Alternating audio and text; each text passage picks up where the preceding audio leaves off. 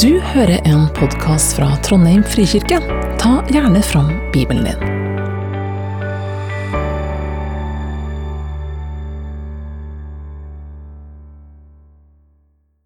Jeg sitter og hørt på monologer med en stund nå, så kan dere eh, få lov til å stå og høre litt mer monolog. Så da skal vi stå mens vi leser fra Guds ord.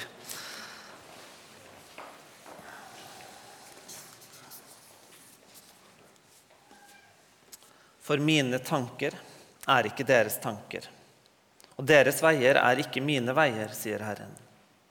Som himmelen er høyt over jorden, slik er mine veier høyt over deres veier, og mine tanker høyt over deres tanker. For lik regn og snø som faller fra himmelen og ikke vender tilbake dit, før de har vannet jorden, gjort den fruktbar og fått den til å spire, gitt såkorn til den som skal så, og brød til den som skal spise. Slik er mitt ord som går ut av min munn. Det vender ikke tomt tilbake til meg, men gjør det jeg vil, og fullfører det jeg sender det til. Amen. Vær så god, sitt. I dag så har jeg stressa veldig mye. Jeg vet ikke hvordan det stemmer dere.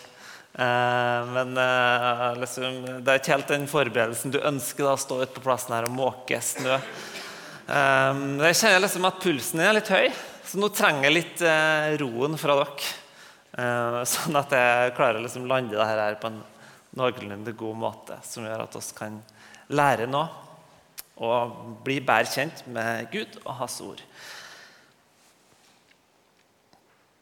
Forrige helg, så, som nevnt, så var jeg med konfirmantene til London.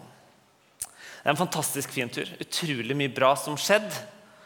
Og når en skal på en sånn tur, så trenger en jo å ha med seg en del.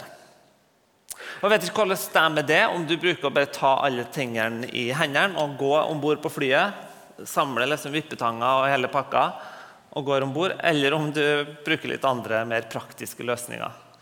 Eller om du kanskje gjør sånn som min onkel, som skulle på tur med korhelg.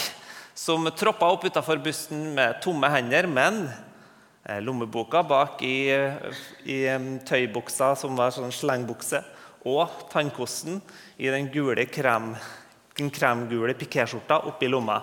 Det var det han trengte for å være på tur ei helg når han var 15 år. Jeg vet ikke hvordan du er, men jeg liker iallfall å pakke i koffert. Og det skal jeg bruke som et lite eksempel i dag kofferten. Og Jeg skal bruke et bilde som en person som heter N.T. Wright, en stor kirkeleder og en av nåtidens fremste teologer, bruker om nettopp det temaet som vi snakker om i dag. Hva vil det si at Bibelen er Guds ord? Hm. En koffert er utrolig kjekk. Fordi Du kan pakke med deg en masse greier oppi. Så har du en sånn fin, hendig måte å ta med deg ting på. Men hvis eh, du eh, lander på en flyplass på, i Alicante for eksempel, og oppdager at bagasjen er borte, og du må gå til forsikringsselskapet og etter hvert eh, be om erstatning for alt sammen, så er jo stort sett ikke din største bekymring sjølve kofferten. Men det er jo alt det som er inni kofferten. Det er veldig sjelden at folk ber om erstatning for, de, for selve kofferten. For En har jo klær inni der, en har kanskje en PC-lader, en, en, har masse greier inni der som en trenger. Og Kofferten i dag tjener litt som et bilde på eh, begrep og I dag skal vi ha en herlig forelesning om semantikk. Um, jeg skal få slappe, Det skal ikke bli så kjedelig, håper jeg. Men kofferten kan brukes som en slags sånn forkortelse, en sånn uttrykk som å si, som inneholder veldig mye mer. For eksempel, og Det har også masse sånne setninger i kirka. 'Jesus døde for dine synder'. Hva betyr egentlig det? Jo, De må pakke ut og så må ta det ut og se litt hva det handler om. Men et problem med en koffert er at hvis vi kun bærer den med oss og aldri åpner den, så får vi egentlig ikke ut noe potensial av den. Da blir det sånn, Du dukker opp på stranda og så sier du, ja, jeg har med badetøyet. Det ligger i kofferten. Men det åpner ikke kofferten. Og da kan ikke du bade. ikke sant? Altså, Det at du har ting inni kofferten, det er det som gjør at du kan bruke den. Det er ikke noe vits med en koffert uten noe inni. Og blir kofferten stående litt for lenge, så begynner det kanskje å gå møll i klærne. Så begynner de å lukte vondt. Og så mister de kanskje noe av den kraften som de en gang har. Fordi at den skjorta fra 70-tallet den ble utdatert. Den funker fortsatt, men den kunne kanskje vært kjekt med ei som ser litt, ja, litt annerledes ut. Og ja For oss som lever i en tid der alt sammen skal stille spørsmålstegn med, så er dette en veldig sånn fin, eh, fin, metafor. fordi at eh, oss liker sånn når vi skal dekonstruere alt, at bare liksom åpne kofferten og kaste sammen, alt sammen ut, og så bare jeg alt sammen på nytt og så legge hva jeg vil oppi. Det er ikke det jeg skal gjøre nå. Nå skal vi bare pakke ut et begrep, og så skal vi prøve å forstå hva det vil si at Bibelen er Guds ord. Så hvis vi da snur kofferten her, og så sier oss kofferten her det er uttrykket 'Bibelen er Guds ord'. Og Mange har jo hørt det blitt sagt. Bibelen er Guds ord. Kanskje har du til og med en bibel der det står 'Bibelen Guds ord'. Men hva betyr det? Har du tenkt på det? Hva betyr det at Bibelen er Guds ord?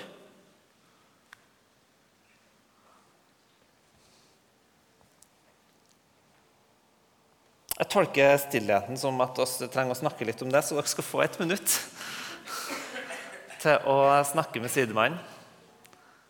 Hva vil det si at Bibelen er Guds ord? Vær så god, snakk med sidemannen.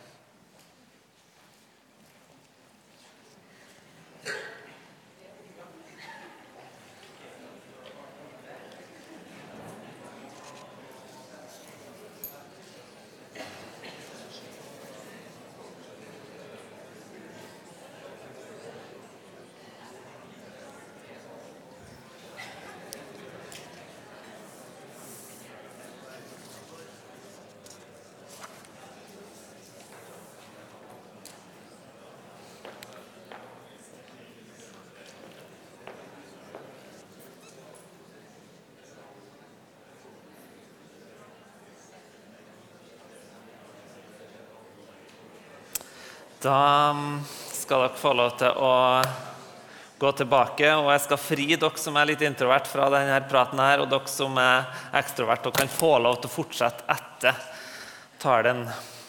Nei, ikke etter talen, da skal lovsynge, men etter gudstjenesten. Og Hvis dere har litt spørsmål, så kommer jeg til å sette meg opp etterpå og så vil jeg svare på noen spørsmål knytta til det temaet her, for det er ganske stort. egentlig. Men nå skal vi få pakke den opp, og da tror jeg jeg trenger litt eh, Guds hjelp til å, åpne denne kofferten her, så jeg ber ei kort bønn. Takk, kjære Jesus, for at du også har fått Bibelen. Takk for at den peker på det. Må òg du bli synlig i den preken her. Og du leder oss alle sammen ved ditt ord. Amen. Vi følger TV-serien The Chosen i vår. Og Der er det en innledning til en episode med disippelen Johannes. Der han sier jeg skal skrive jeg skal skrive denne fortellingen, og jeg skal starte fra begynnelsen. Og Så sier denne personen som sitter attmed ja, skal du starte med fødsel. Nei, jeg skal starte før det. Ja, skal du starte med skapelsen? Nei, jeg skal starte før det. Når du skal utforske hva Bibelen sier om hva Guds ord er, så kan vi egentlig starte i, først, med Johannes 1,1. For der står det nemlig i begynnelsen var Ordet. Og Ordet var hos Gud, og Ordet var Gud. Altså før nå er til. De i teologien kaller det for preeksistent. Altså ordet var før verden ble til. Så er det et ord. Og hva, hva er det ordet for noe? Jo, det er Gud, men så er det samtidig ikke, ikke det som beskriver alt hva Gud er. Men ordet var Gud. Og Så leser vi oss i første, første Mosebok at Gud Nei, da sa Gud. Gud taler. Det skal bli lys, og det ble lys. Og Den første tingen vi her da kan ta fram, er at før du skal på reise, så trenger du en billett. Det er nå før Før reisen starter, så var Gud Var det noe som het et ord? Ordet var. Eksistert før alt. Og så hører vi hvordan Gud begynner å skape. Og ikke bare sier da sa Gud det skal bli lys, og at liksom, det skjer noe der. Men hvis vi leser hele første Mosebok 1, så står det Gud sa 14 ganger. Unnskyld 12 ganger. Da sa Gud det skal bli lys, og det ble lys. Gud sa det skal bli en hvelving. Gud sa vannet under himmelen. Bla, bla, bla. Gud sa jorden skal bli grønn. Og så avslutter han med Gud sa la oss lage mennesker i vårt bilde. Og det første Da skjønner jeg at når Gud taler, når Gud sier sitt ord, så skjer det noe. Nå skapes. Og det er den andre tingen. Nå skapes når Guds ord starter. Og det starter med en hage. Han begynner å skape, krafse litt i jorda, og ting begynner å gro fram. Det blir liv. Guds ord, og det blir liv. Kaoset, det som var øde og tomt, det som var grått og formløst, det blir til liv når Guds ord kommer. Men så skjer det mer i Det gamle testamentet. For Guds ord, det begrepet, det brukes mer og mer og mer. Det, det dukker opp flere ganger. Og jeg, jeg, kan faktisk ikke ta med alt. Fordi det står så veldig ofte. Men jeg kan si noen som ofte oss hører Guds ord i forbindelse med profetene. Herrens ord kom til Jeremia i de dager da Josia, sønn av Amon, var konge i Juda, i det 13. regjeringsåret hans. Guds ord som kommer til dem, og så sier Gud Se, jeg gjør alle ting nye, som han sier i Jesaja. Eller Se, jeg gjør noe nytt. Og litt mer drastisk Se, dere skal bli sendt i eksil. Guds ord kommer, og det handler. Det er noe som skjer når Guds ord kommer. Det skjer en forandring. Og Det er litt interessant at Guds tale kan aldri skilles fra hans handlinger. Ja, I teologien så bruker de faktisk ordet talehandling. Fordi Guds ord er lik handling. Når Gud sier noe, så skjer det. Sånn at når, det, når dere leser Bibelen, det står at Herrens ord kom, eller Gud sa, så kan dere forvente at her skjer det noe. Det er ikke bare at han liksom snakker og vurderer, og alt mulig sånt, men han handler. Og da har jeg ikke Men jeg har, jeg har 1000 kroner. De kan jo handle for, så de setter der. Det var litt vanskelig å finne og handle. um, men så går historia i Bibelen. Og så kommer det som oss ikke liker så godt. Og det er at um, Guds ord bare ikke handler at det skjer noe, men Guds ord òg dømme. Guds ord dømme. Og Du kan faktisk sammenligne det her Guds handling i hans ord som det som skjer i en rettssak. At eh, når dommeren leser opp dommen, så er det jo egentlig bare ord, men samtidig så skjer det en forandring. Den personen blir enten erklært skyldig eller uskyldig. Den personens definisjon den blir omdefinert som enten skyldig eller uskyldig, som kriminell eller fri. Det skjer nå når ordet sies. Og så kan jeg gå litt tilbake og liksom si noe om Guds, Guds, ord som handler om f.eks. når jeg står og vier folk og sier 'derfor erklærer jeg at dere er rette ektefolk'. De orda de skaper en ny forening. Uten orda så er det egentlig ingenting. Orda må til for at noe skjer. Vi skal gå tilbake til det med Guds ord som dømmer. Og da på en positiv måte dømme. Fordi oss liker jo ikke det her i Vesten. Vi vil helst at Gud skal være snill og grei og ikke dømme oss. Og vi kan gjerne rope i irritasjon til Gud over hvorfor han ikke fjerner Putin og alle andre elendige folk. Men det at Gud tillater vår baktalelse, vårt overforbruk, vår uvettige bruk av penger eller osv., osv. Det er ikke oss så opptatt av. Da liker oss det som ikke at Gud dømmer når det handler om Putin. Da er det greit. Men oss trenger som mennesker å innrømme at det er noe ondt i oss òg. Og ordet 'dømme' på hebraisk det er det samme ordet som å skjelne. Det handler om å skille det som er godt, fra det som er ondt. Og si 'det der er ondt, og det der er godt'. Derfor er dommen god og streng en dom. Og Derfor så, så Gud at israelsfolket trengte en lov. De trengte noen som sa hva som var rett og galt. Sånn som ungene på Noah i dag skal høre at det er feil å stjele mobiltelefonen til pastoren. Det er ikke godt, det. I 2. Mosebok 24 så står det Moses kom og kunngjorde alle Herrens ord og forskrifter for folket. Da svarte de samstemmig, 'Alt Herren har sagt, vil vi gjøre.' Så skrev Moses ned alle ordene fra Herren.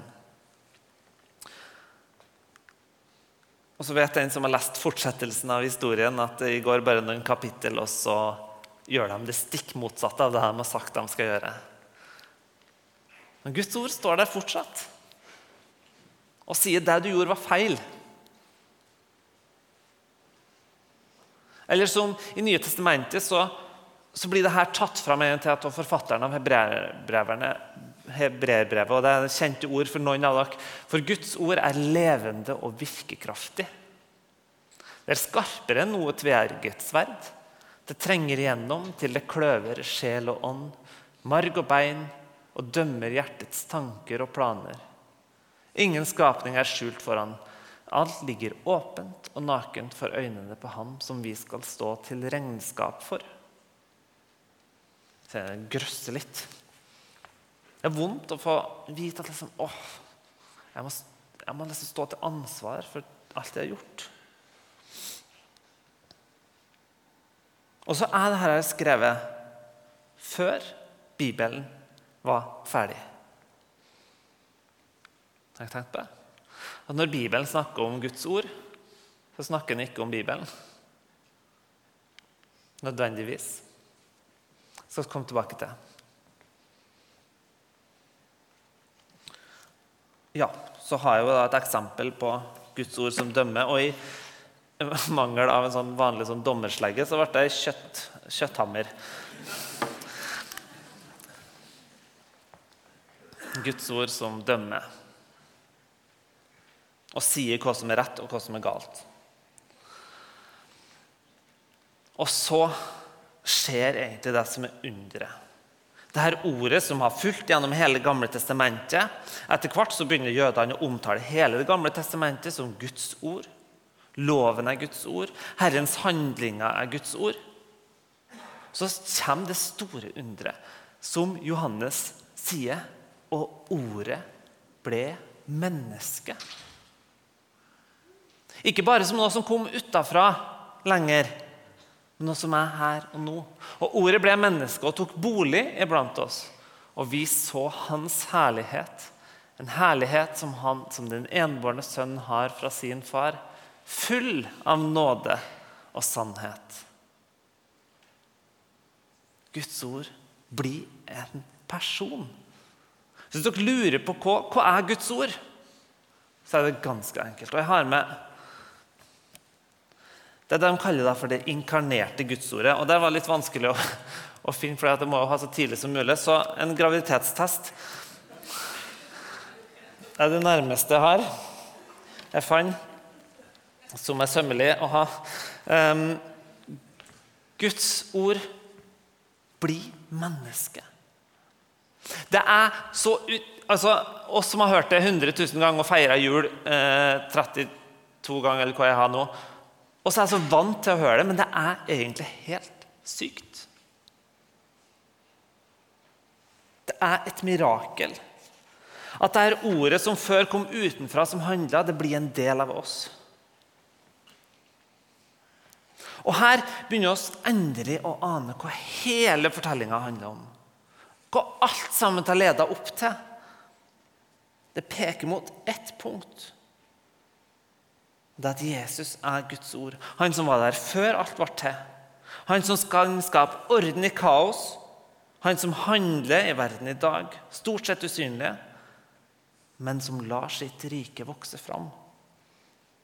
Han som ved sin lære i bergpreken, som vi snakka mye om i høst, har pekt på veldig tydelig standard for oss. En standard som sier noe om oss handler godt eller ondt. Men han som ikke bare sier noe om hva som er godt eller ondt, men noe som tar konsekvensen av at oss ikke klarer å gjøre alt som er godt. At oss vil gjøre vonde gjerninger. Han var det som gikk i døden med all verdens synd. Han var det som sto opp og vann over dødens og døds, dødskreftene.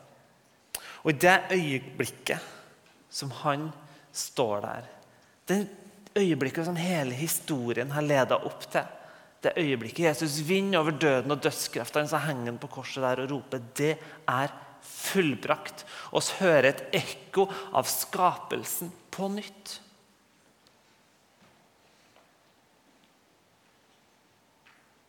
Det her ble Guds ord menneske for. Jeg er kommet for at dere skal ha liv og overflod. Ekkoet av skapelsen.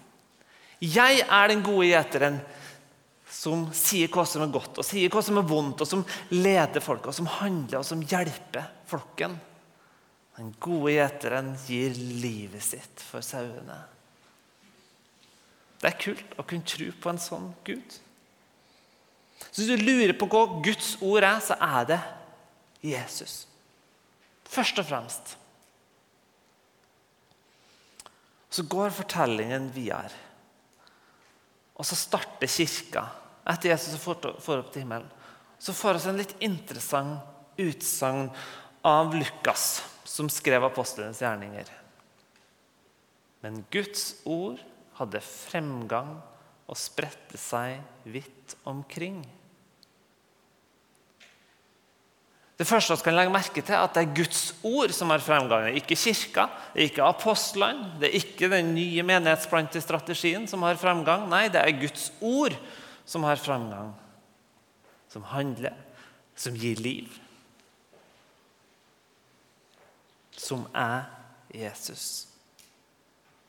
Jesus som har framgang. Men da begynner vi å skjønne at det her budskapet om Jesus ikke kan skilles fra hvem han er. Budskapet om Jesus, Guds ord. Evangeliet, Guds ord. Og Det er nettopp derfor at vi sier at Bibelen er Guds ord. Og oppi her nå så har jeg ja, Det blir egentlig å lyge, da, for jeg har ikke masse ting oppi her. Men jeg kunne hatt masse ting oppi her som jeg kunne ha snakka mer om. Det er enda mye større. Det er flere ting, element fra Bibelen jeg kunne tatt fram. Og dere savner kanskje noen steder som dere tenker på, som handler om Guds ord i Bibelen. Men det alt leder opp til Jesus. Og Bibelen er Guds ord, fordi den handler nettopp om at Gud gjennom historien har talt. Gjennom dem som har skrevet, har talt. Gjennom Jesus har talt. Og hele Bibelens sentrum er Jesus.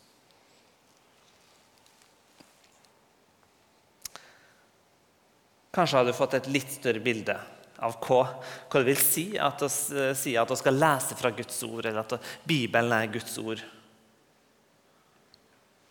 Guds ord er stort. Og det er virkekraftig, som forfatteren av hebreerne sier. Men nå har vi pakka ut det begrepet her. Hva har det med oss å gjøre? Hvilken betydning kan det ha for mitt liv? Jeg skal jeg gå tilbake til teksten jeg starta med. Skal vi se om den kommer her. Nei, det gjør ikke den. Så da skal jeg lese den. For mine tanker er ikke deres tanker, og deres veier er ikke mine veier, sier Herren. Som himmelen er høyt over jorden, slik er mine veier høyt over deres veier, og mine tanker høyt over deres tanker.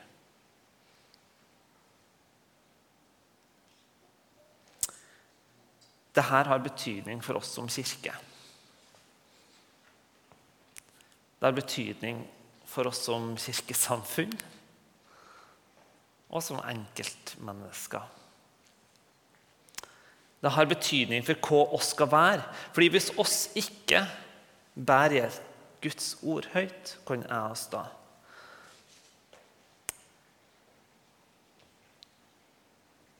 Når eh, reformatorene skulle samles for å si litt om hva de egentlig tror på som lutheranere, så kom de fram til det som heter Concordieformelen.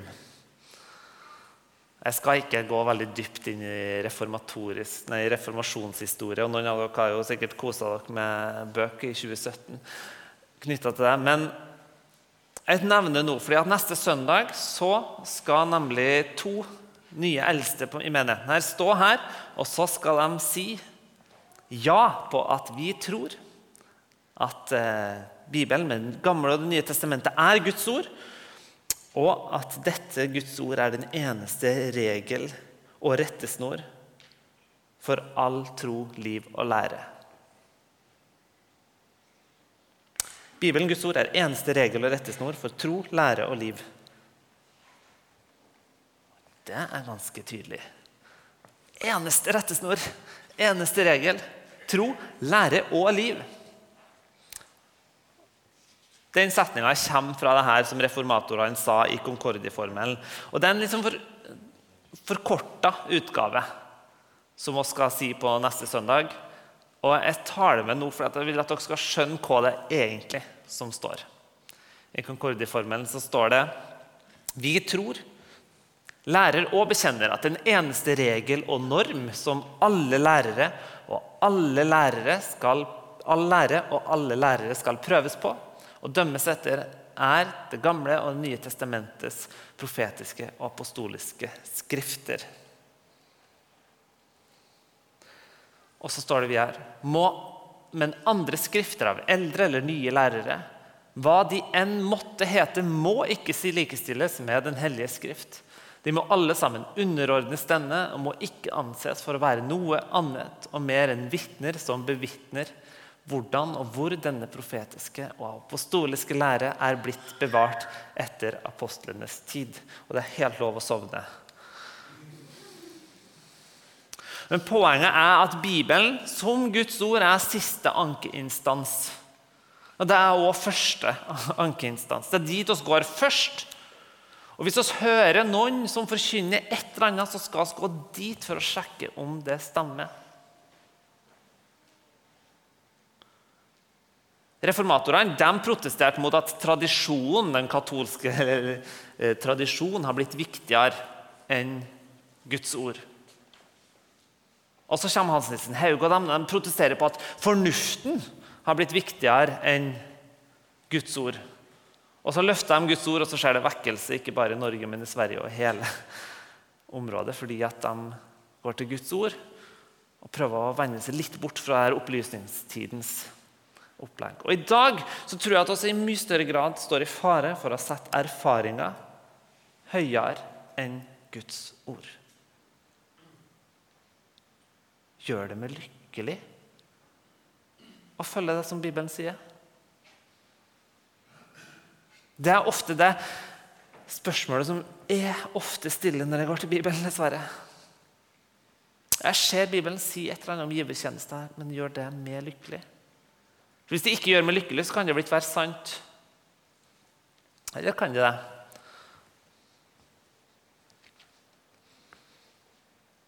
Hvis en ikke løfter Bibelen høyt, så ender en opp med sin egen versjon.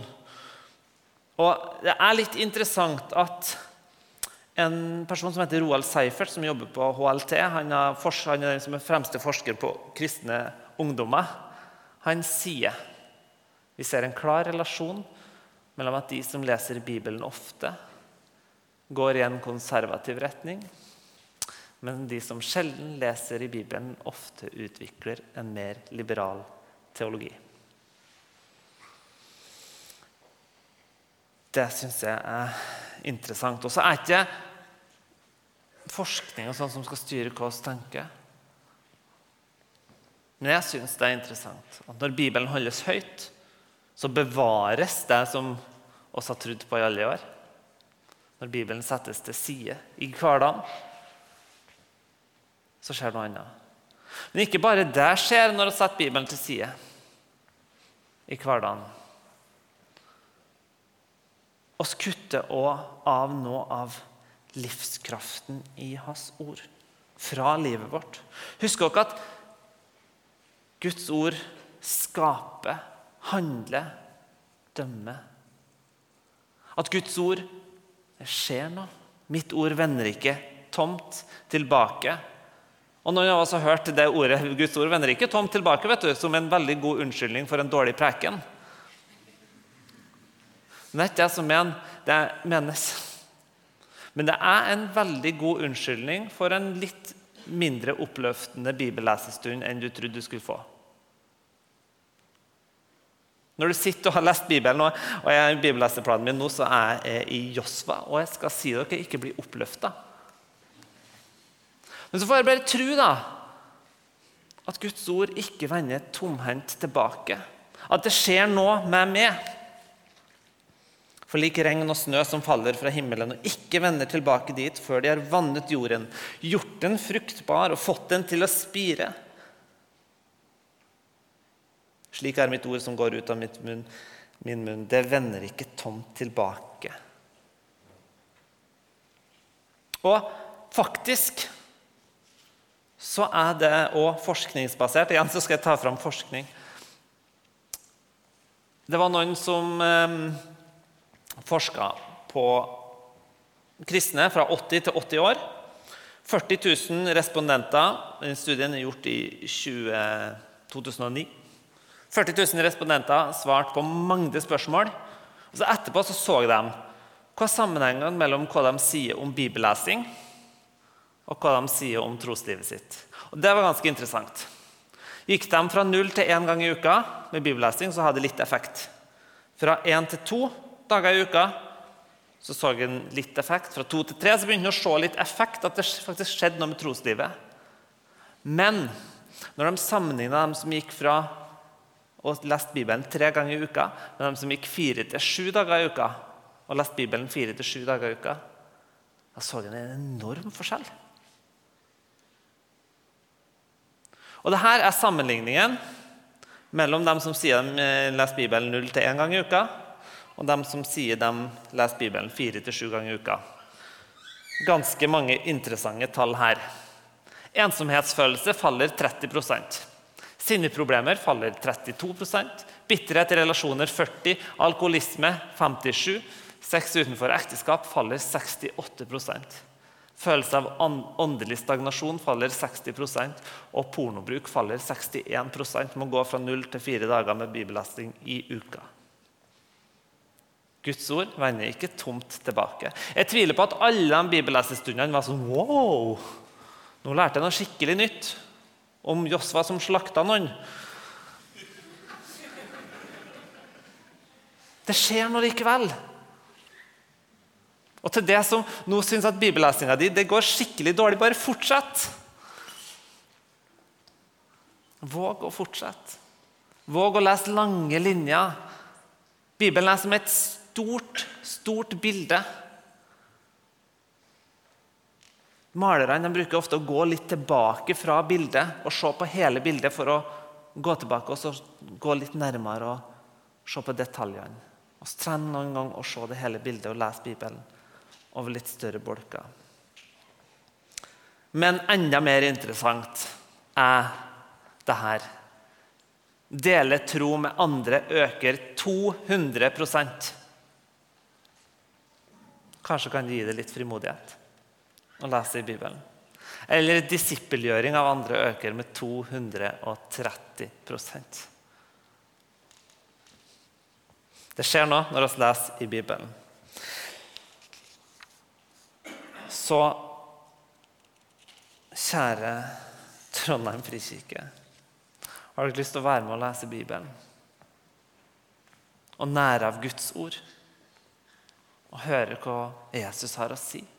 Og lese hele fortellingen som peker fram mot Jesus? Våge kampene med de tekstene vi ikke liker?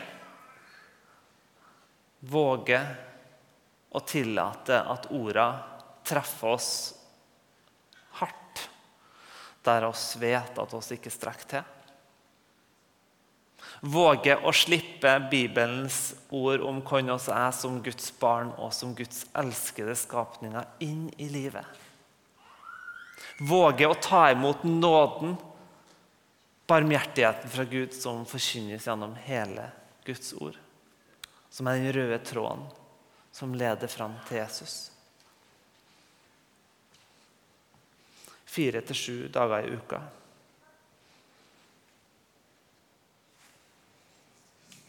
Det kan være fint, det.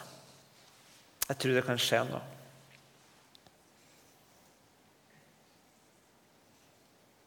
Mitt ord vender ikke tomt tilbake til meg men gjør det jeg vil, og fullfører det jeg sendte til. Amen.